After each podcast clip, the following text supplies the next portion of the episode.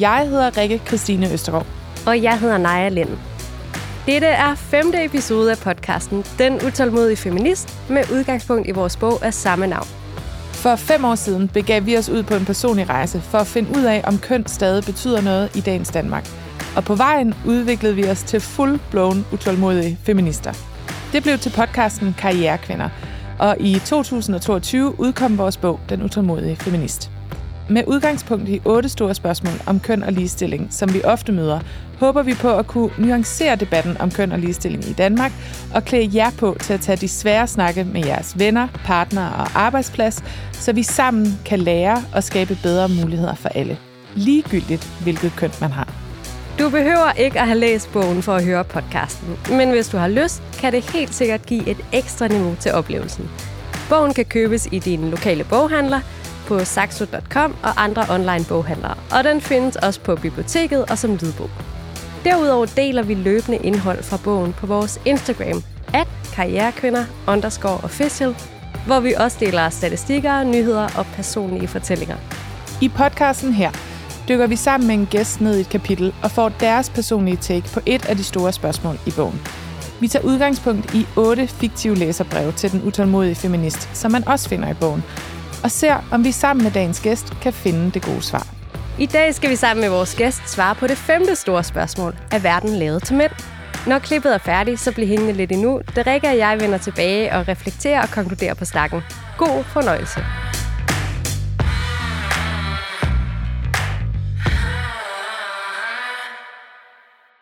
I det her afsnit, så skal vi tale med, og nu skal jeg have det hele med, fremtidsanalytiker, tech-ekspert, bestyrelseskvinde, medlem af Dataetisk Råd, kvinde bag Elektronista og sikkert meget, meget mere, Christiane Vejlø. Christiane har i mange år arbejdet på at få flere piger i techbranchen, så hun er aktiv stemme i kønsdebatten, især når det kommer til de blinde vinkler, som vi alle har, øh, og som kommer til udtryk i medierne, og i de produkter, vi køber, og hvordan kvinder generelt bliver behandlet. Og så er Christiane også en person, som har fyldt i vores liv, Øh, Naja har øh, lyttet til Elektronista-podcasten i Herdet. Jeg har øh, hele min studietid været aktiv bruger af din blog. En af de dyreste tasker, jeg nogensinde har købt, har du designet. Øh, den var jeg meget, meget glad for. Øh, og man kan jo roligt sige, at Christiane er en rollemodel for kvinder og piger, når det kommer til øh, især tech. Lad os kaste os ud i det. Vi øh, skal starte med at høre et, øh, et læserbrev øh, som er en del af, af bogen. Men først kunne jeg godt tænke mig at lægge hårdt ud med det rigtig store spørgsmål. Christiane, er verden lavet til mænd? må jeg først lige have lov at sige, at jeg er mega glad for at være her. Tak fordi jeg må være med. Det er øh, en spændende bog, I har skrevet, og jeg synes, det er rigtig fedt, at man ligesom supplerer en bog med en podcast. Øh, er verden lavet til mænd? Øh, jamen, øh, både og. Øh, men den er nok i nogle tilfælde lavet lidt mere til mænd, hvor man tror, den faktisk er unisex. Og det synes jeg er enormt interessant at se på, fordi det er jo ikke noget, der nødvendigvis er gjort i ond mening, men det er bare fordi, vi, øh, vi simpelthen har set, at, at mænd har været udgangspunkt for, for design og for forskning og forskellige ting, øh, og resultatet af det er bare betydet, at, at vi har siddet med nogle produkter med noget medicin og sådan noget, som faktisk har lavet meget mere til mænd end til kvinder. Mm. Mm. Det er sådan et blødt ja, måske. Mm. Sådan en, et blødt ja. Skal vi prøve at høre læsebrevet? Kære utålmodige feminist, en gruppe kvindelige kolleger på mit arbejde mener, at vi ikke er diverse nok. Jeg forstår det ikke. Vi er så forskellige, at det kan være svært at arbejde sammen. Forleden skulle jeg holde møde med en ung kvinde fra marketing, og hun havde slet ikke sat sig ind i den nuværende inflation. Til gengæld talte hun meget om en trend på noget, der hedder TikTok. Vi nåede ikke halvdelen af det, vi skulle på mødet. Vi holder til i København, men mange af medarbejderne kommer fra Jylland. Nogle medarbejdere er fyldt 50 år, og andre er 23. Til den seneste fest var der nogen, der rappede, mens andre smagte på rødvin. Alle medarbejderne er hvide, men der er flere kvinder end mænd ansat. Vores chef er endda en kvinde. De medarbejdere, der klarer sig godt i vores virksomhed, er dygtige og ansvarsbevidste. Men når nogen mener, at vi ikke er diverse nok, er det som om, vi bare vil finde problemer. Jeg tænker overhovedet ikke over køn, hudfarve eller seksualitet, og det burde andre heller ikke. Hilsen den diversitetstrætte.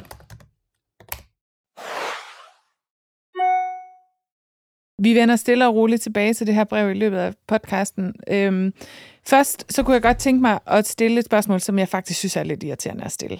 Øh, men det, det tør vi godt at gøre. Øh, fordi man burde ikke pointere det, men alligevel, Christiane, så er du en kvinde, der taler om tech. Og dem er der jo ikke sådan voldsomt mange af.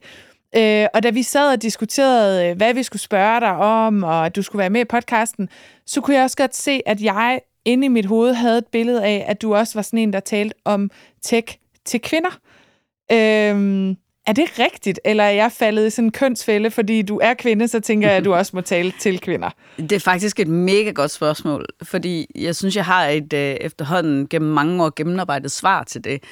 Øh, og det er, at når jeg kommunikerer tech, så jeg vil godt sige, da jeg startede med at starte min virksomhed og min blog, så var det fordi, at det undrede mig enormt meget, hvor dårlige tech-virksomhederne var til at kommunikere til kvinder. Men det gik meget hurtigt op for mig, fordi jeg var faktisk ude og spørge 800 kvinder. Jeg lavede en stor analyse og en rapport omkring kvinders teknologiinteresse og, og, og vaner. Og, og, og, og det, de sagde, de gerne ville have, det var altså forståelig kommunikation. De ville gerne have nogle devices, der bare virkede og var super nemme at bruge. De måtte også gerne have flot design. Og hvis man går hen og spørger en mand, hvad synes du? Så vil han sige, det er da nøjagtigt det samme, jeg vil have. Og på den måde kan man sige, hvis man taler unisex. Altså hvis man taler øh, umiddelbart til kvinder, så får man alle med. Altså i den forstand, at hvis man det man tror fordomsfuldt, at kvinder vil have, det vil mænd også gerne have. Ikke?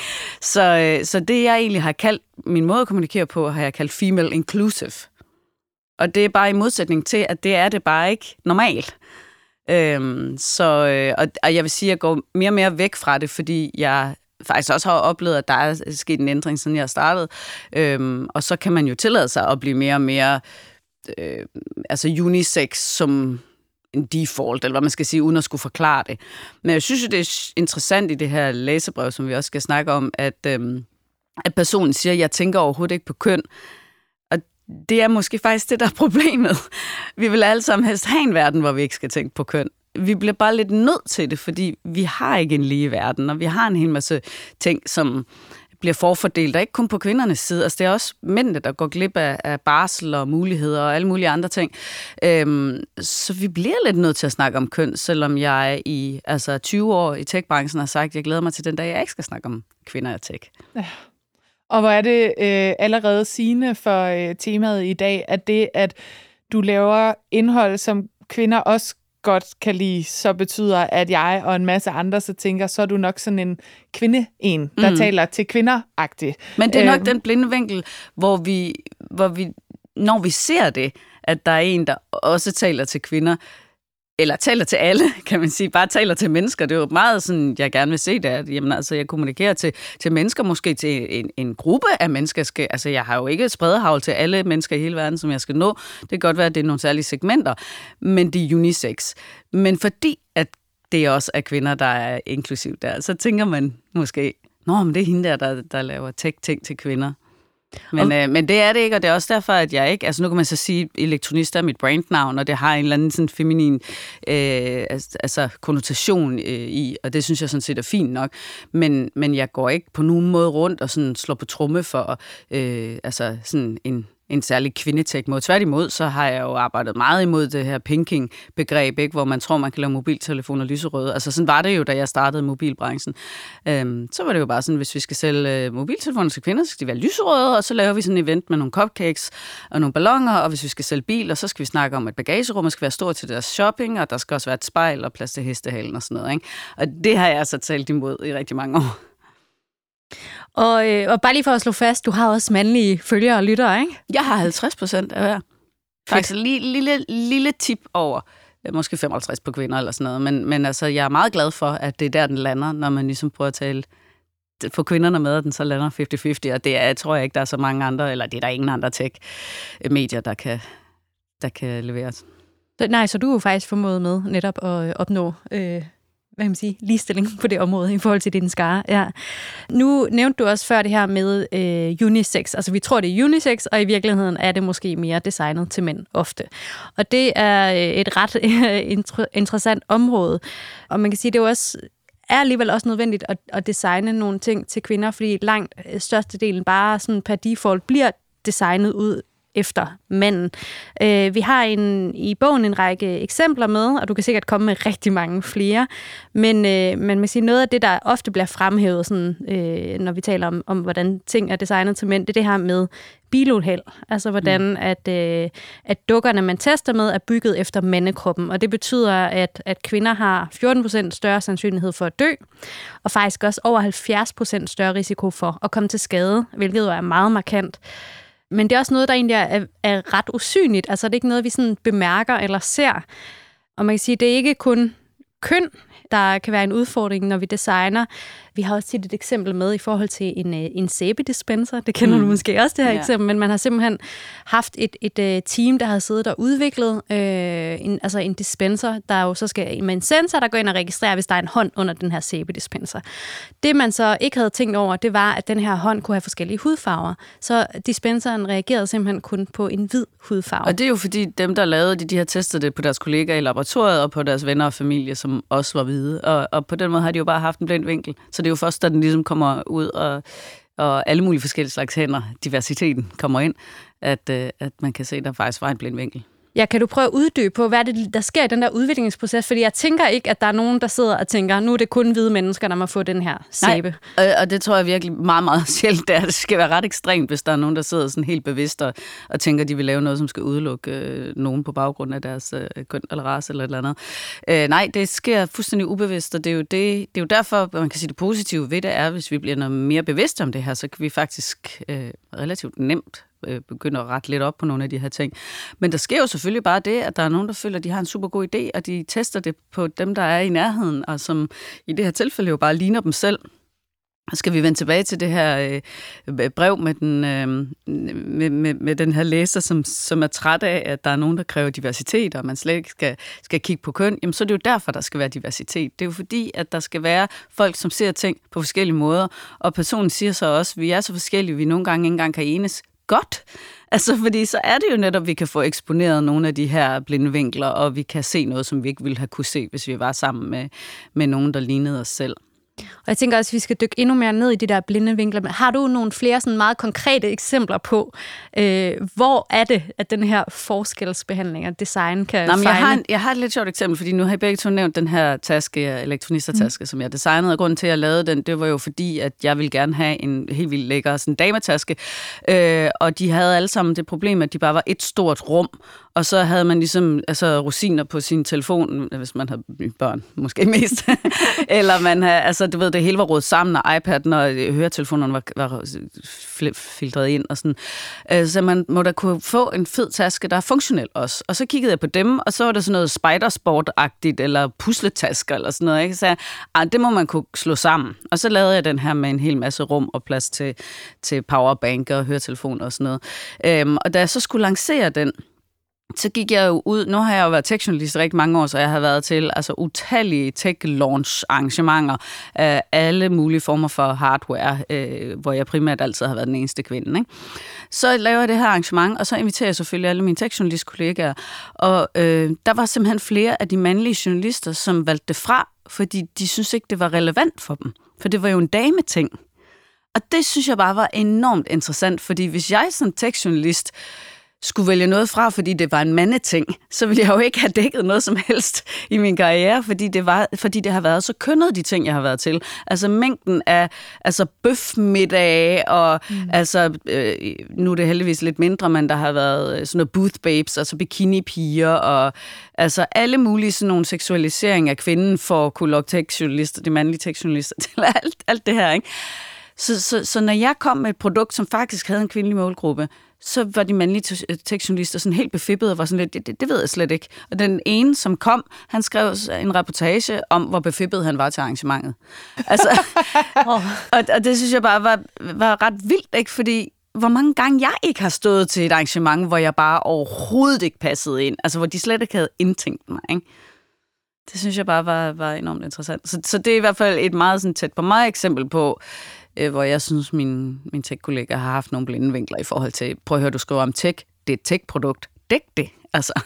Og det er jo virkelig et gennemgående ting, det der. Jeg kan huske, vi hørte for nylig et interview med en læge, øh, som... Øh, er begyndt at, øh, som gerne vil forske i især mænds mentale sundhed, som jo er et område, som er virkelig vigtigt, og som øh, også har behov for, at man kigger på det. Og det han så siger i interviewet i en masse gode ting, det er, at han siger, jeg synes, det er vigtigt, at vi virkelig begynder at forske i mandekroppen, mm. fordi øh, det er der ikke nogen, der gør. Og så sad jeg som lytter og tænkte, er det ikke lidt fordi, alting ligesom er forskning i mandekroppen, eller mm. designet til mænd, eller skrevet til mænd, eller lavet til mænd, fordi det ligesom er vores, sådan, vores sådan, status quo, det er ligesom sådan standarden. Og så kan man så, det øjeblik, man så tænker, det her kunne også være fedt for en kvinde, så vi gør lige det her, så er det en kvindeting, og så er det niche, eller ja. et eller andet. Ikke? Jeg Kvinder tror, jeg hørte interviewet, var det med Svend Aage Madsen, ja, han ja. Øh, og jeg stussede faktisk også lige over den. Men det, jeg tror, han, hvor han virkelig har fat i noget, det er jo, det han beskæftiger sig meget med, det er jo mænds mental helbred. Mm. Øh, og det er jo ensomhed, og det er altså øh, den øgede sundhedsrisiko, der er i at være alene og, øh, og hvad hedder det, selvmordsrisiko, hvis man bliver enkemand og sådan nogle ting. Øh, og, og det er der nok ikke så mange, der forsker i. For han har jo oplevet at komme ind og sige, ligesom vi måske har set det fra kvindesiden, man kommer ind og siger, skal vi ikke lige forske i kvindelige kønsorganer? Nej, det, hvorfor skulle vi det, siger altså et panel på 12 mænd. Øh, han har oplevet det samme, han kommer ind og siger, lad os snakke om det, og så, så siger han, så får det lidt fnis med på vejen endda. Ikke? Altså fordi mand, mandebilledet er også så stereotypt af, at vi skal slet ikke gå ind og snakke om følelser. Det er jo derfor, de mænd har det så svært. Det er jo fordi, de ikke bygger netværk. Det er fordi, de ikke har lært at tale om følelser, fordi de skal fokusere på handling frem for følelser. Øh, og, øh, og det vilde i det her, det er, at det er en side af samme sag. Altså, at, at problemet er, at hvis kvinder, de fik Altså hvis vi fik den her ligestilling, så ville vi også få ligestilling for mændene i forhold til, selvfølgelig skal de ikke kaldes en, en tøsedreng, selvfølgelig skal de ikke have at vide, boys don't cry, selvfølgelig skal de øh, ikke have at vide, nu skal du være stærk, øh, og selvfølgelig skal en, en pige ikke have at vide, at hun er skinger, fordi at hun er, udviser lederegenskaber som 10-årig. Altså, når de her ting, fald, altså, de er afhængige af hinanden. Så vi får faktisk løst problemet med de ensomme mænd og deres depressioner og deres selvmord og sådan noget, mm. hvis det er, at vi ikke lægger det pres på dem, som handler om, at de skal være stærke, og de skal være bossy, og de skal tage charge, og de skal have styr på det hele. Fordi det kan kvinder også gøre.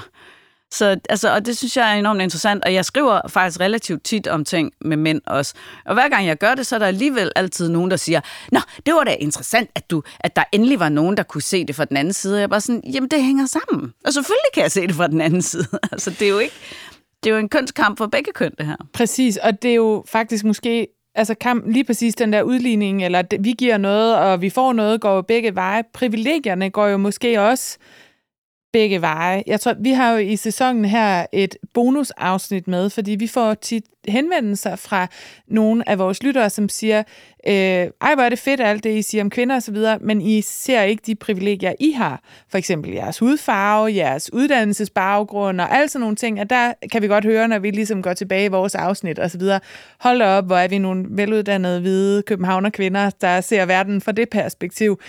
Øh, er du også faldet i det der privilegiehul nogle gange fra din side, hvor du tænker, hov, her havde jeg et privilegie, som jeg måske ikke havde spottet? Ja, det synes jeg er vores ansvar at øh, vende det blik på os selv en gang imellem og sige, men, men hvad er det egentlig for en optik, jeg ser verden ud fra? Øhm, og når det så er sagt, så kan man sige, det, der, vi, vi kan jo, vi, altså, det er også den gode gamle, hvad med børnene, der suller i Afrika. Altså, vi kan jo godt det kan faktisk godt lade sig gøre på en gang, og både kæmpe for øh, kvinders rettigheder på arbejdsmarkedet lige løn i Danmark, samtidig med, at vi også kæmper for kvinderne i Iran. Øh, altså, det, de to ting mm. kan godt samme eksistere. Øhm, men, men det er jo ikke sådan, at vi skal bare opgive og kæmpe mere i Danmark, bare fordi der er nogle andre kvinder, der har det værre. Vi skal selvfølgelig øh, hjælpe, hvor vi overhovedet kan, og så, så tager vi hver vores kampe. Øh, og det synes jeg, man skal være glad for, hver gang der er nogen, der gør. Altså, jeg synes, det er enormt ærgerligt, når man ligesom siger, så kæmper du for det, men hvorfor kæmper du ikke for det? Altså, hvorfor ikke bare være glad for, at der er nogen, der kæmper for noget? øhm, men, men helt klart, altså, vi, vi, er, vi er meget nemt privilegieblinde. Jeg vil anbefale alle altså, hvide akademikere i København at se den serie, der hedder Inger Stemmer, som kører på Danmarks Radio lige nu, som handler om Inger Støjbergs øh, bagland, og, mm. øh, som er bare øh, vildt fedt altså, at se de der ret skønne mennesker, som bare kæmper for en sag og ved det gode, og øh, altså nu, nu er det ikke nogen hemmelighed, at jeg måske ikke lige tilhører Inger Stemmer, men, det, men netop derfor er det bare enormt godt for mig øh, at se, at øh, prøv at høre, jeg skal ikke, altså som en eller anden veluddannet øh, københavner sidde og på nogen måde tro, jeg ved, hvem de er, eller have en fordom om dem, eller tænke, at de er onde mennesker, fordi de tænker anderledes end mig. De er pisse søde. Altså, vi har bare forskellige måder at se verden på. Ikke? Ja. Det der med at se folks perspektiver fra deres side, synes jeg virkelig også er noget af det, som i kønsdebatten er, er, er svært at tale om, eller sådan få en konstruktiv samtale omkring, også med, med, med kvinder nogle gange. At jeg tror, at vi har jo, man kan være privilegier på mange måder. Man kan have privilegier på den måde, man ser ud, eller den etnicitet, man har, eller den uddannelse, man har, eller hvad det nu er. Men der er også noget med, hvad for nogle, hvad for nogle arenaer, man begår sig i, at... Øh, og vi generaliserer jo altid ret meget i vores øh, podcast, det bliver man lidt nødt til nogle gange, når man taler om det her. Men man vil i hvert fald sige, at mænds privilegier jo nok historisk set har ligget i arbejdet. Det er ligesom der, hvor de har skabt og, og ejer magten. Mm. Men kvindernes ligger jo øh, historisk set ofte i hjemmet. Det er os, der ligesom ved, hvordan man gør derhjemme og har bedst styr på, øh, på børneopdragelsen osv., vil være de der sådan stereotype ting, man, man lægger ned over. Øhm, og altså, det der med, som du taler om med at se en dokumentar som Inger stemmer, altså hvordan, hvordan får vi øjnene op for de der forskelligheder, der ligger på tværs, hvor vi kan sige, nå ja, jeg kan da godt se, at jeg jo også gør noget ved en mandlig partner, når jeg øh, siger, at det er mig, der ved bedst. Tænk, hvis der var en mandlig chef på mit arbejde, der bare gik ud fra, at han vidste bedst. Det er der jo nok også nogen, der gør. Men altså, den går jo faktisk begge veje. Mm. Og, og det gør den jo, fordi at vi er blevet mast ned i de her roller, så vi har jo fået at vide i virkelig mange år, at det er os, der har styr på hjemmet, og det er os, der ved bedst øh, om hjemmet og om børnene og sådan noget. Og der skal kvinder jo også være bedre til at afgive øh, den der barsel til de der mænd, fordi selvfølgelig kan mænd øh, tage barsel og være mega gode til det. Og nu tweetede jeg lidt om i går, det her med, at der er mega mange likes i for en mand at slå op, og han går på barsel. Ja. altså sådan, hvor er det bare flot og godt kæmpet, og det er skide sejt og sådan noget. Jeg kan sådan, nej, det er ej. Altså, han går på barsel. Og vi, altså, hvis vi skal rose nogen, så lad os rose alle, der går på barsel, for det er mega hårdt at være på barsel. Men altså, der er ikke nogen grund til at rose manden mere frem for kvinden. Øhm, fordi vi skal tage os af vores børn, og i det øjeblik, at vi ved, at det ikke er et køn, der tager sig af børnene, men det er mennesker, der tager sig af børnene, så er der heller ikke nogen fordel i at få frem en mand frem for en kvinde i virksomheden. Øh, så er der ikke nogen fordel i at tage en mand til en bestyrelse frem for en kvinde. Øh, så står vi lige på arbejdsmarkedet. Og det er jo så der, man så kan sige, jeg har været meget frem og tilbage i forhold til, skal vi have kvoter eller ej. Men det er en af grundene til, at jeg synes, at det nok er et værktøj, der vil være rigtig fint at bruge. Øh, og derfor er jeg rigtig glad for det her med mere barsel til mænd, for jeg tror, kiben ligger rigtig meget i, at mændene kommer på barsel, og så er der mange ting, der løser sig øh, øh, undervejs efterhånden.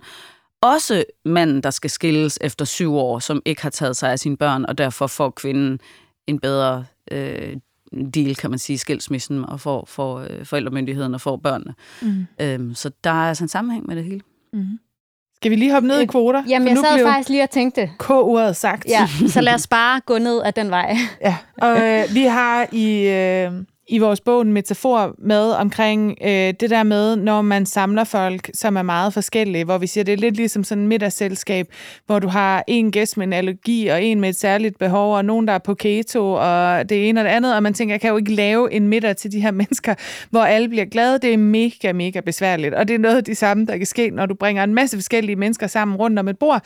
De bliver meget sjældent enige hurtigt i hvert fald. Øhm, og derfor kan det være nemmere, når vi alle sammen er ens. Fordi så går det så lynhurtigt med at træffe beslutninger, mm. og vi kan se hinanden og forstå hinanden, og vi kan lide det samme mad, øh, og så videre. Øh, og, øh, og der kommer kvotesnakken jo ind, fordi det er jo en, en måde at prøve at tvinge noget af den forskellighed igennem, som især mangler i de danske øh, bestyrelser. Du er selv bestyrelsesmedlem, kvinde. Øh, så lad os tage den her kvoter. Øh, du er sådan du er på vej over i en pro. Er det det, vi hører? Eller du er... Ja, nej, men det vil jeg, jeg vil godt sige, at jeg er øh, pro-kvoter. Fordi igen, ligesom jeg tidligere sagde, øh, vi bliver nødt til at tale om køn. Altså selvom vi alle sammen har lyst til, at vi ikke skulle tale om køn.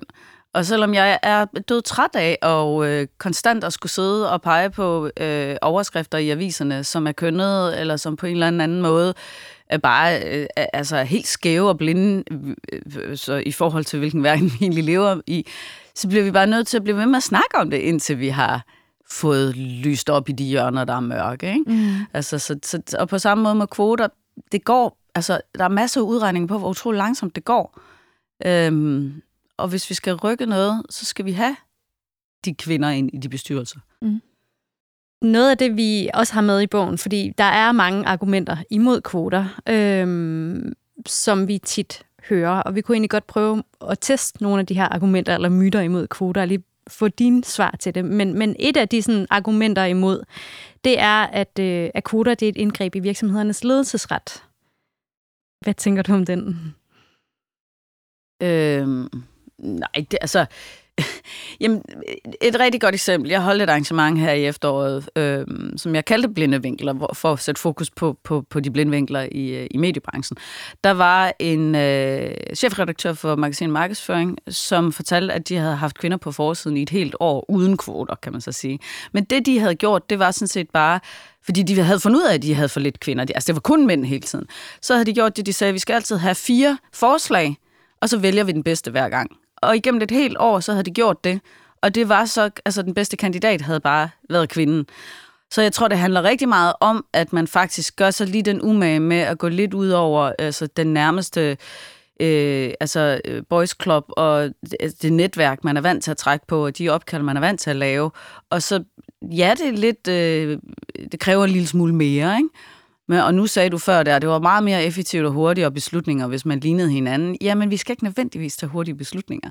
Move fast and break things er, er, er et slogan, der er kommet ud af Silicon Valley i mange år, og se, hvor det har bragt os med en hel masse øh, tech-produkter, der virkelig øh, skaber skade. Øh, fordi de er, gået, de er simpelthen kommet for hurtigt ud. Ikke? Så at bruge lidt ekstra tid på at gå ud for de normale cirkler og få fundet dem, fordi de er jo derude, altså der er jo masser af kandidater, og jeg tror også, at man skal huske at tænke på, hvordan er det, vi beskriver en kandidat. Altså, i forhold til medier, så er det jo tit sådan, hvis de gerne vil have en kilde, så siger de, vi skal have den der, der har øh, en professor i det der, ikke? Og så leder de efter en professor, og ja, der er flere professorer, der er mænd. Øh, og, og, og så bliver de nødt til at tage mand. Men de kan også sige, at vi skal have en kilde, der ved helt vildt meget om det. Og det kan sagtens være, at der sidder en Ph.D., der måske endda ved mere end professoren, fordi hun er totalt specialiseret lige i det emne. Og så kunne man på den måde godt justere lidt til, øh, til kravene på, hvordan er det, vi sammensætter øh, vores kilder i medierne eller vores bestyrelse. Og man kan sige, det er jo også meget aktuelt. Der har lige været en ny undersøgelse fremme, der viser, at ud af de 50 mest citerede eksperter øh, i 2022, der var der kun tre kvindelige eksperter. Mm. Det er altså under 10 procent. Så, så, og, det, og det er også, øh, så er det måske nok noget af svaret på, på det næste argument, som tit er imod kvoter, det her, når man skal vi bare finde en tilfældig kvinde. Altså, kvinderne er jo derude, men, men vi har også bare alle sammen let ved at gøre det, vi plejer, eller bruge de øh, forskere og eksperter, vi, vi plejer at gøre.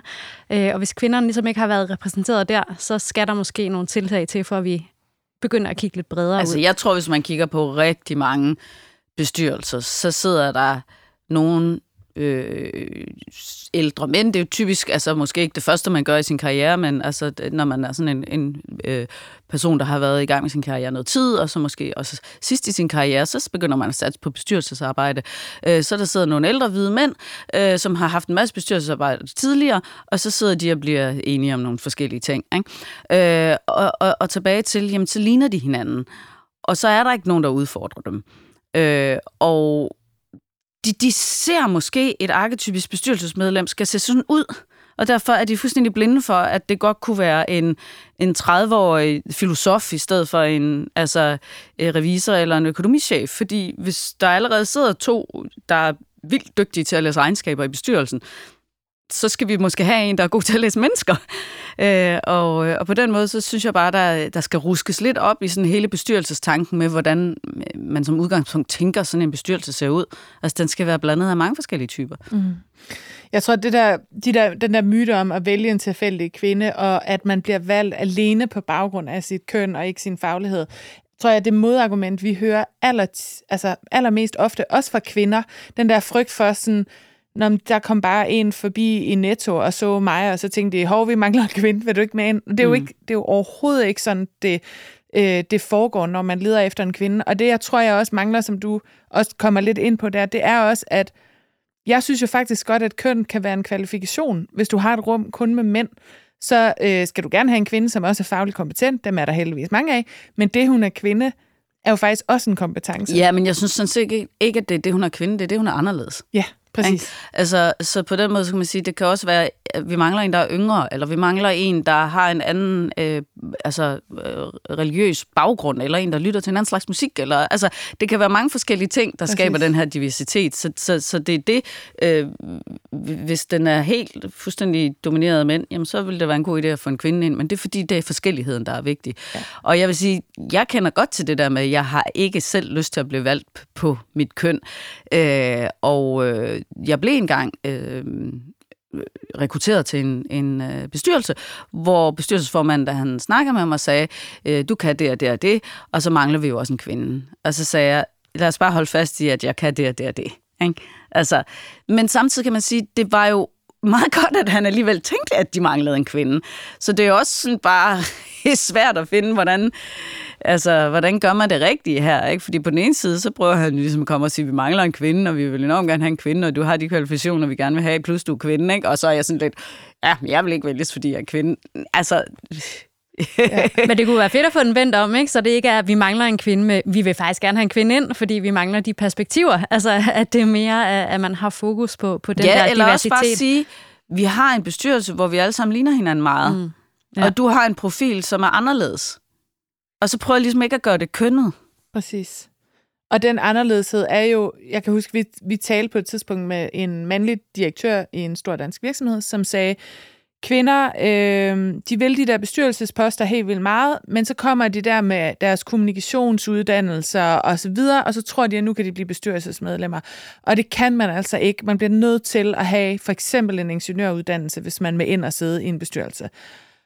Og der tænkte jeg bare, jamen, så kan du jo så gå ud og finde en masse kvinder med, bestyr- med ingeniøruddannelser, der har siddet i nogle jobs, som som måske en mand ofte vil sidde i. Det hjælper, så, og det er jo der, hvor kønnet i sig selv så bliver ligegyldigt, fordi du kan jo også bare finde en kvinde, som er fuldstændig ligesom en mand, og ja. så er det jo lige meget, at hun er en kvinde. Ja, fordi det tænkte jeg også på før, fordi at, at vi, vi mangler en profil som dig, ikke en profil, fordi du... Altså, fordi det, det kunne også godt være, at der sad en, altså fem mennesker og en kvinde, som ligesom alle de andre også bare var ekspert i at læse regnskab. Ikke? Og de havde bare ikke en eneste, som vidste noget om marketing eller strategi, eller et eller andet andet, som også var væsentligt lige i den sammenhæng. Øhm, men, men der er selvfølgelig nogle, der er jo nogle virksomheder, hvor man siger, jamen lige nu, det, det vi mangler, det er simpelthen den her meget tekniske profil, og så kan det være altså svært at måske finde den kvinde, der lige passer på det. Men, men du skulle jo ikke have en helt bestyrelse bestående kun af den slags profiler. Så, altså, så jeg vil sige, i enhver bestyrelse, der er der plads til forskellige roller. Men hvis vi, altså, vi skal have åbnet op for netop, hvad, hvad er det for nogle baggrunde, man kommer ind med, men hvis vi lige holder fast i netop det her med så øh, branchen, for eksempel, altså øh, de tekniske profiler. Øh, fordi der mangler også kvinder øh, i de her fag, og Danmark har øh, et af verdens mest kønsopdelte arbejdsmarkeder. Vi er enormt kønsopdelte i vores uddannelsesvalg. Øh, jeg tror, det ligger omkring 30% kvindelige ingeniører. Hvis man så går ind og kigger på, hvad er det for nogle typer, så igen kan man også se, der tegner sig meget, meget kønnet billede af, hvad det er for nogle typer ingeniørfag, øh, mænd og kvinder vælger. Øh, vi mangler kvindelige udviklere. Øhm, der er en stor international undersøgelse, der viser, at øh, Danmark er det land, hvor at piger og drenge har størst forskel, altså øh, i forhold til deres egen tiltro til teknologiske og matematiske evner. Det vil sige, at piger har øh, meget lavere selv selvtillid, selvtro til deres øh, teknologiske evner, men de scorer faktisk også, danske piger scorer lavest af alle de lande, der har været med i undersøgelsen. Så der er virkelig nogle udfordringer. Øhm, og det kan man så holde sammen med, at, at vi ved, at, at øh, om man tror, man er god til noget, det påvirker, hvad for nogle interesser man har. Og vi kan se, at pigerne simpelthen falder fra, øh, når det kommer til naturfag øh, og øh, teknologi og matematik op gennem øh, folkeskolen. Og det er jo en kæmpe udfordring, netop når vi skal, skal udvikle mere diverse. Vi ikke har flere kvinder med de her sådan, teknologiske også, øh, kompetencer. Hvis vi får flere øh, piger og kvinder ind i stemfagene, så kan vi også løse nogle af de her udfordringer. Men hvordan kan vi åbne op for tech-branchen? Har du nogle gode bud på det? Ja, altså for det har jeg beskæftiget mig med rigtig mange år. Og øh, igen, så er det bare helt tilbage til de helt små børn. Øhm, fordi Øh, vi skal være gode til at præsentere vores børn for unisex-legetøj. Og dem, der laver legetøj, skal blive bedre til ikke at markedsføre dem til nogle specifikke køn. Øh, for hvis piger de aldrig bliver præsenteret for et øh, altså ingeniørsæt, eller den lille kemiker, eller øh, øh, bygge noget teknisk Lego, eller altså nogle af de her ting, som faktisk kan være sådan kimene til at interessere sig for at blive ingeniør eller kemiker eller noget andet, øhm, så ser de slet ikke, at det er en mulighed for dem. Hvis de kun får det her meget sådan kønnede, lyserøde dukker, øh, så kan du stå med et lille komfur derhjemme. Og, altså, øh, så er det bare ikke, altså, så, så er det bare ikke en vare på hylderne for dem. Og, og, og der tror jeg tit, at vi tænker, Nå, så nu de skal de i gymnasiet, nu skal vi til at snakke om det. Nej, det er allerede næsten for sent der. Ikke? Øh, og, og så kan man jo så tilføje, at hvis der kommer flere mænd på barsel, og hvis øh, vi jo har sådan en lille arbejds lidt skævvridning i arbejdsmarkedet, så vil mænd jo måske repræsentere mere af de her fag, og så vil de også snakke mere med deres små piger om det, og så, ja, så vil det også begynde at blive mere naturligt for dem. Så vi skal jo sørge for, at, at børn og unge piger ser det som en mulighed. Det er rollemodeller, det er fag, hvor det er inkluderende. Øhm, det er at forvente den der lave selvværd, de har i forhold til det. Jeg lavede faktisk i forbindelse med den undersøgelse, jeg lavede om kvinders teknologivaner, der spurgte jeg de ældre kvinder, hvis teknologi ikke virker, altså hvis du sidder med en eller anden dims, der ikke virker, hvis skyld er det så? Og størstedelen af dem sagde, at det var deres egen skyld.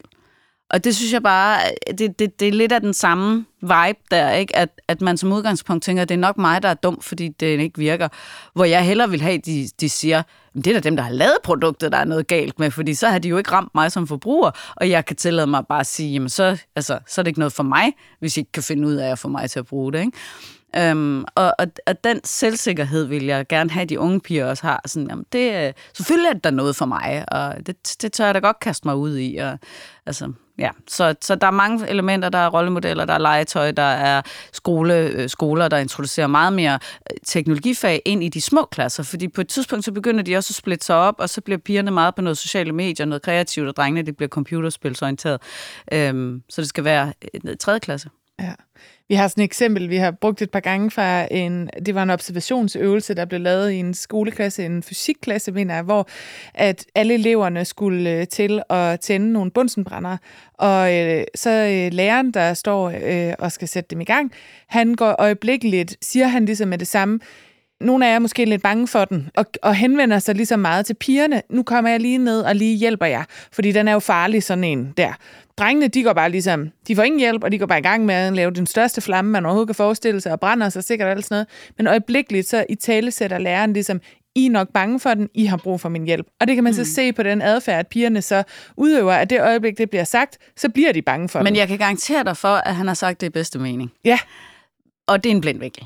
Ja. Altså han, han ikke tænker over, hvad det er, han lægger ned over de piger, når han er hjælpsom og kommer ned og siger, nu tager jeg lige lidt hensyn til jer.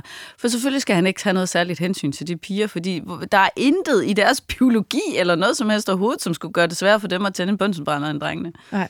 Jeg har også selv oplevet det på egen krop. Vi har også eksemplet med i bogen. Øh, da jeg gik i, øh, i hele min skolegang, så sagde min mor altid til mig, at øh, Rikke, du er så dårlig til matematik, men du kan så meget andet. Og min mor var selv ekstremt god til matematik. Og hun var sådan, du er så kreativ og god med sprog og alt sådan noget. Og det har jeg altid haft som sådan en selvopfattelse. Og det er også det, jeg laver i dag. Jeg arbejder i kommunikation, og sådan, det var ligesom det, jeg kunne. Og så, øh, da vi skrev bogen, så fandt jeg mit, øh, mit gamle karakterblad fra 2G, tror jeg. Og der har jeg fået min allerbedste karakter i alle de øh, altså naturfag og matematik og sådan. Og så har jeg fået sådan nogle fine karakterer i det andet.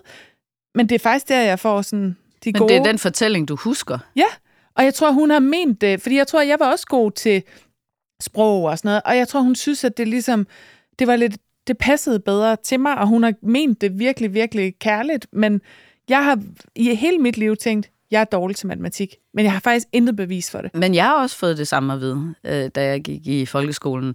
Og jeg føler heller ikke, at jeg var særlig god til matematik, men jeg havde heller ikke en lærer, der på nogen måde sådan Øh, havde nogen interesse i at prøve at, at, at se, at det kunne være en mulighed for mig.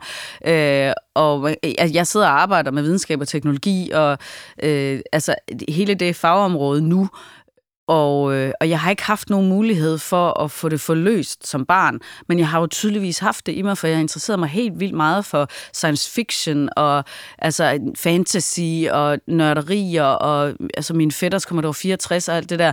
Når jeg snakker med kvinder, der er meget tekniske øh, nu, så spørger den, hvordan startede det? Så siger de, jamen jeg sad med min far og en computer eller et eller andet. De har haft en mulighed for at få det i gang som, som børn, og det har jeg ikke haft. Øh, og der tænker jeg bare på, kan vide, altså, hvor jeg havde været nu i forhold til det. Altså nu er det selvfølgelig mit fagområde, men jeg har også meget den sådan antropologiske og humanistiske tilgang til det. Men jeg kunne da sikkert sagtens have været en, der programmerede, eller sad og svejsede, eller lavede et eller andet andet. Der var bare aldrig nogen, der tilbød mig det. Det er rigtigt. Du har jo faktisk taget lidt begge, both worlds, taget kommunikation og formidling, og så lagt det ned over et, øh, et mande, mandefag. Så at Ja, sige, hvordan og kom laver- du egentlig ind i, i tech? Øh, jamen, jeg arbejdede i øh, tv-branchen faktisk, og altså, ja, kommunikation, udviklede tv-programmer og lavede artikler og alle sådan nogle ting. Og så øh, arbejdede jeg med sådan en PR-strategi, og så var der faktisk en i bestyrelsen i den virksomhed, som sagde, vil du ikke komme over i en anden virksomhed, når du stopper her, øh, og være kommunikationschef. Og det var en bredbåndsvirksomhed, som lød mega kedelig. Og jeg var bare sådan, ej, prøv at høre, jeg sidder her og laver fjernsyn, og du ved, der er kendte mennesker, og det er totalt glamour og sådan noget, ikke? og så skal jeg over og sidde i en bredbåndsvirksomhed. Men han var ret insisterende og blev ved med at, han kunne, han kunne godt se, at jeg havde det der nørdegen og var interesseret i fremtiden, og det var også det, jeg sad i tv-branchen og var bare sådan, prøv at høre her, lad os få det ud på nogle flere platforme, det er mange år siden det her, ikke? så det var jo før streaming og det der, ikke? Men, men, men det var jo det, den vision, der ligesom var, og sådan, det skal du tage med over. Og så endte jeg med at sidde i den her bredbåndsvirksomhed og lave øh, kommunikation, der handlede om, hvad skal man bruge bredbånd til i fremtiden. Så det var at bygge fremtidens bolig med alle de streamingtjenester og alle de ting, før der var nogen, der snakkede om apps og øh, Internet of Things og alt det her. Øhm, så, så jeg fik hele den der sådan nørdede, sci-fi-agtige historiefortællingsting ind, og sad med noget så, så, så, så tørt som fiberbredbånd. Ikke? Og det er jo faktisk også en af pointerne, netop hvordan får man åbnet de her fag mere op for piger og kvinder. Det man kan se, at, at piger også er orienteret meget mod, det er jo det her med, hvordan man kan skabe fremtid og mening, og altså, øh, tænke nogle tanker, og sådan, altså, så, hvor, hvor tech kan tit blive præsenteret som noget meget tørt og nørdet. Mm. Men det er jo også et redskab til at kunne skabe den verden, øh, som vi skal Ja, jeg kan godt lide også tænke på det som sådan en tryllestav, især når jeg snakker med børn, ikke? og siger, at hvis du kan nogle ting med tech, ikke? så kan du, altså, du kan skabe, du kan lave spil, du kan lave altså, sociale ting, du kan, altså, du kan lege, du kan opfinde, du kan bryde tyngdeloven, du kan være en troldmand, du kan, altså, du kan ligesom alle ting i den her tech-verden. Og det, var, det har været det, der altid har draget mig. Altså, jeg var vild med Narnia, da jeg var barn, og internettet for mig var bare Narnia. Det var at gå ind gennem den der garderobedør til en ny verden. Øh, og og jeg, jeg tror, det er den der eventyrlyst er, er rigtig god at tage fat i, også hos pigerne. Så hvad, så hvad gør man, hvis man nu er, er lytter, som sidder og tænker, jeg er måske er den der øh, opdraget til ikke at have de store tech-evner og usikker på alle de der ting, men jeg vil virkelig gerne undgå at give det videre til mit barn, øh, min egen usikkerhed og så videre. Hvad kan man, altså har du nogle konkrete eksempler på, hvad kan man så gøre som forældre eller lærer, eller hvad det nu er, for faktisk at videregive den der nysgerrighed? Øh, jamen først og fremmest skal man måske netop vende blikket ind af og sige, hvornår er det, jeg kommunikerer et eller andet ubevidst, hvor jeg stopper mit barn, fordi jeg selv er lidt nervøs, og så prøve at fange sig selv i det, og så opfordre barnet til sjove ting. Der er helt vildt mange sådan ting, man kan lege med derude, hvis man, hvis man googler sig frem til øh, programmering for børn. Der er coding classer, coding pirates, og altså, øh, der er alt muligt, man kan sende dem afsted til. Jeg har lige været med til at lave et undervisningsforløb, øh, fordi jeg sidder i dataetisk råd, som, øh, som handler om altså, identitet i forbindelse med sociale medier, og få børnene til at tænke mere om datasikkerhed, og hvad sker der med alle de data, der bliver indsamlet om mig, og, og den her bevidsthed. Så det er jo en måde at arbejde med tech, men som er totalt relateret til hele deres liv på sociale medier, og hvordan de øh, jamen sådan interagerer med hinanden og snap-map, og de kan se hinandens lokation, men hvad betyder det egentlig, at den, den data bliver delt, og øh, har vi ikke ret til privatliv en gang imellem. Så det, det ligger ind på forstå.dk, øh, det er bare gratis, det kan man gå ind og tage. Så det vil jeg jo opfordre alle lærere øh, og forældre også til at sige til læreren, altså er der ikke nogen af de der fede forløb, som der ligger derude gratis, der er fuldstændig plug and play køreklar, Øhm, så få det ud i folkeskolen. Jeg er kæmpe fortaler for det her teknologiforståelse i folkeskolen. Det er desværre ikke blevet indført endnu, men øh, jeg synes, det er meget, meget vigtigt fag. Meget enig. Før vi øh, runder af og hører, hvad vi skal svare den diversitetstrætte i, øh, i læserbrevet, så tror jeg, der er sådan et, og det er måske et lidt stort og løst spørgsmål, men der er et spørgsmål, vi havde svært ved at svare på, dengang vi skrev bogen, som er, øh, hvis man nu skal gå væk fra det her med at designe ting til mænd, hvis vi nu bare tager udgangspunkt i det som sådan den store, om det er biler eller telefoner, eller hvad det nu er. Øhm, hvordan undgår man så, at man øh, i stedet for at lave noget, som virker rigtig godt til en gruppe, laver noget, som virker sådan okay til rigtig mange. For når man først begynder at åbne op for så skal det også passe til kvinder, og så skal det også passe til folk af en anden højde og drøjde og hudfarve og så videre, så videre, sprog, hvad der nu kan være, så virker det fuldstændig udtømmeligt og umuligt at producere noget som helst, som kan virke til alle. Er det pointen, at det skal virke til alle? Og hvis det er, hvordan gør man så det? Hvis du ja. lige har et svar på det. Nå, ja, men jeg synes jo bare, at den der øh, helt vildt traditionelle meget uoriginale kønsopdeling mellem mand og en kvinde er jo en vildt simpel måde at se mennesker på. Der er masser af kvinder, der interesserer sig helt vildt for teknologi, og der er masser af mænd, der overhovedet ikke gør. Altså, jeg vil jo i høj grad anbefale, at man kigger på målgrupper, altså på segment, altså uden at kønne det, og så sige, jamen, men hvem vil gerne have en bil, der er lidt sporty, eller hvem vil gerne have øh, altså et, øh, et eller andet produkt, der henvender sig til deres ja, eventyrlyst eller sikkerhedsbehov, eller hvad det nu er, og så ikke sige, at det er sådan en, en kønnet ting, fordi vi reproducerer jo også. Når bilerne, de siger, Nå, men så skal vi sælge, sådan en bilforhandler siger, vi skal sælge til en kvinde, så lægger vi fokus på, hvad farve er bilen, og det store bagagerum, og så sikkerhed, fordi det er jo, kvinden er jo interesseret i at passe på børnene.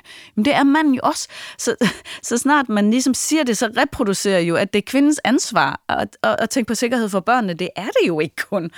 Altså, så... Øhm, det kræver jo, at man tør tage nogle skridt væk fra de ting, vi er så indpodet med. Men jeg synes, at øh, altså, det vi startede med at snakke om, hvis man har noget, der er meget sådan mandekønnet, så tænk female inclusive. I stedet for at tænke, at vi skal lave noget til kvinder, så tænk female inclusive. Tænk, okay, det skal, kan, vil en kvinde også synes, det her var fedt. Ikke noget med at lukke manden ud af det. Det er til mennesker. Præcis, og det synes jeg er mm. øh, et virkelig, virkelig godt svar. Det er til mennesker. Fjern, mm. fjern kønnet og i, i den der første, første blik på det. Og det samme kan man jo også se i nogle af de der utallige eksempler, som du blandt andet deler på Instagram med medier, der dækker, hvor det øjeblik, man lægger altså kønnet ind i den måde, man dækker en historie, så bliver det også lige pludselig øh, skævt og, øh, og vinklet forkert, hvor man sagtens skulle have lavet den samme historie, uden at køn behøver at være en del af det. Så det øh... mm. Her til ja. sidst. Ja, jamen jeg tænker netop bare, om vi lige skal have svaret på til den diversitetstræt, ja. ikke? Øhm, som jo netop mener det her med, at, øh, at nu er vi da også diverse nok. Øhm, og, øh, og, og det måske også er lidt for meget med fokus på alle de her ting. Altså, hvad, hvad vil du svare den øh, diversitetstrætte, hvis du sidder over for personen? Jamen, øhm, jeg vil jo nok sige at tage fat i det der med, at personen siger, jeg tænker slet ikke på køn. Det synes jeg heller ikke, der er nogen andre, der skal. Jeg vil sige, det, det, det tror jeg faktisk, du skal lidt. Øh, og, øh, og også med en person om, at øh, vi faktisk mange, der er enige om, at det ville være fedt, hvis vi ikke behøvede at gøre det. Så det er ikke, fordi vi er en hel masse folk, der er på barrikaderne, der bare vil tale køn. Vi gør det af nød, fordi vi bliver nødt til lige at få pendulet til at svinge ind i midten. Øh, så, så jeg vil sige til han eller hun, der siger det der, at, at prøv at tænke lidt på køn. Altså prøv at tænke på, at det er faktisk en god idé, at der er øh, blandet. Det er ikke... Øh, altså det er også godt for bundlinjen. Altså først og fremmest, det er jo ikke bare sådan noget ah, nu er der også sådan noget woke-pis, vi også skal til at beskæftige os med. Det, det er jo uh, common sense. Det er noget, der giver mening i forhold til at have en, en dejlig arbejdsplads, hvor man bliver inspireret, og hvor man, uh, ja, altså diversitet er så meget mere end køn. Det er også, som vi snakkede om tidligere, det er også, altså, hvad for noget mad man spiser, eller hvad for noget musik man lytter til. Um, så, så ja, jeg vil nok synes, det var faktisk vigtigt at, at sige til personen, du skal nok tænke en lille smule på køn. Tak for det. Og med de ord, tak fordi du ville være med, Christine. Det var virkelig en fornøjelse. Når man stiller det store spørgsmål, er verden lavet til mænd? Er der mange, som har svært ved at sige ja. I stedet bliver det til en snak om, om det er nogens skyld.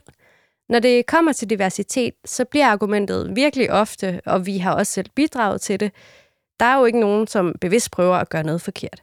Det giver Christiane os jo egentlig også ret i. Men hendes argument er, at vi i stedet for at tale om, hvorvidt nogen prøver at gøre noget bevidst forkert, burde fokusere på at gøre noget bevidst rigtigt. Nemlig, fordi når det kommer til at designe produkter eller udvikle vores arbejdspladser eller hvad det nu er, så hjælper det ikke at lade være med at tænke på køn. Det er faktisk det, som er problemet til at starte med. Vi bliver nødt til bevidst at indtænke de forskelligheder, som folk nu engang har, så vi sikrer, at vi laver noget, der fungerer for mange. Det er sådan lidt en strussestrategi at stikke hovedet i sandet og sige, hvis vi nu slet ikke tænker eller taler om køn, så bliver køn nok ikke en faktor. Her kommer alle vores ubevidste bias igen på spil. For rigtig ofte, når nogen laver et produkt eller et stykke kommunikation, så laver de det til sig selv. Tag bare podcasten her, som jo uden tvivl er lavet til en målgruppe, som er ret meget ligesom os selv. Hvis vi skulle lave en podcast til folk, som er helt anderledes end os, så ville vi være nødsaget til at trække på de fordomme og stereotyper, som vi har om den gruppe mennesker, og vi vil ramme helt forkert. Den eneste måde, vi kan undgå det på, det er at invitere nogen ind, som er en del af målgruppen. Det er jo det samme, som Christiane siger, man skal gøre, når man for eksempel designer produkter. Jeg synes også, at nogle af Christianes fortællinger fra hendes egen virksomhed er ret interessante. Og her har vi to jo også nogle fordomme. Fordi Christiane er kvinde, og hun taler om tech, og så tænker vi, så taler hun nok om tech til kvinder. Det der med, at ting til kvinder kun er til kvinder, har jeg virkelig også en tendens til at tænke. Jeg inviterer for eksempel aldrig min mand ind og se romantiske komedier, og han vil også sige nej, fordi det er ligesom noget for pigerne. Men det er jo virkelig forkert for begge parter at tænke sådan.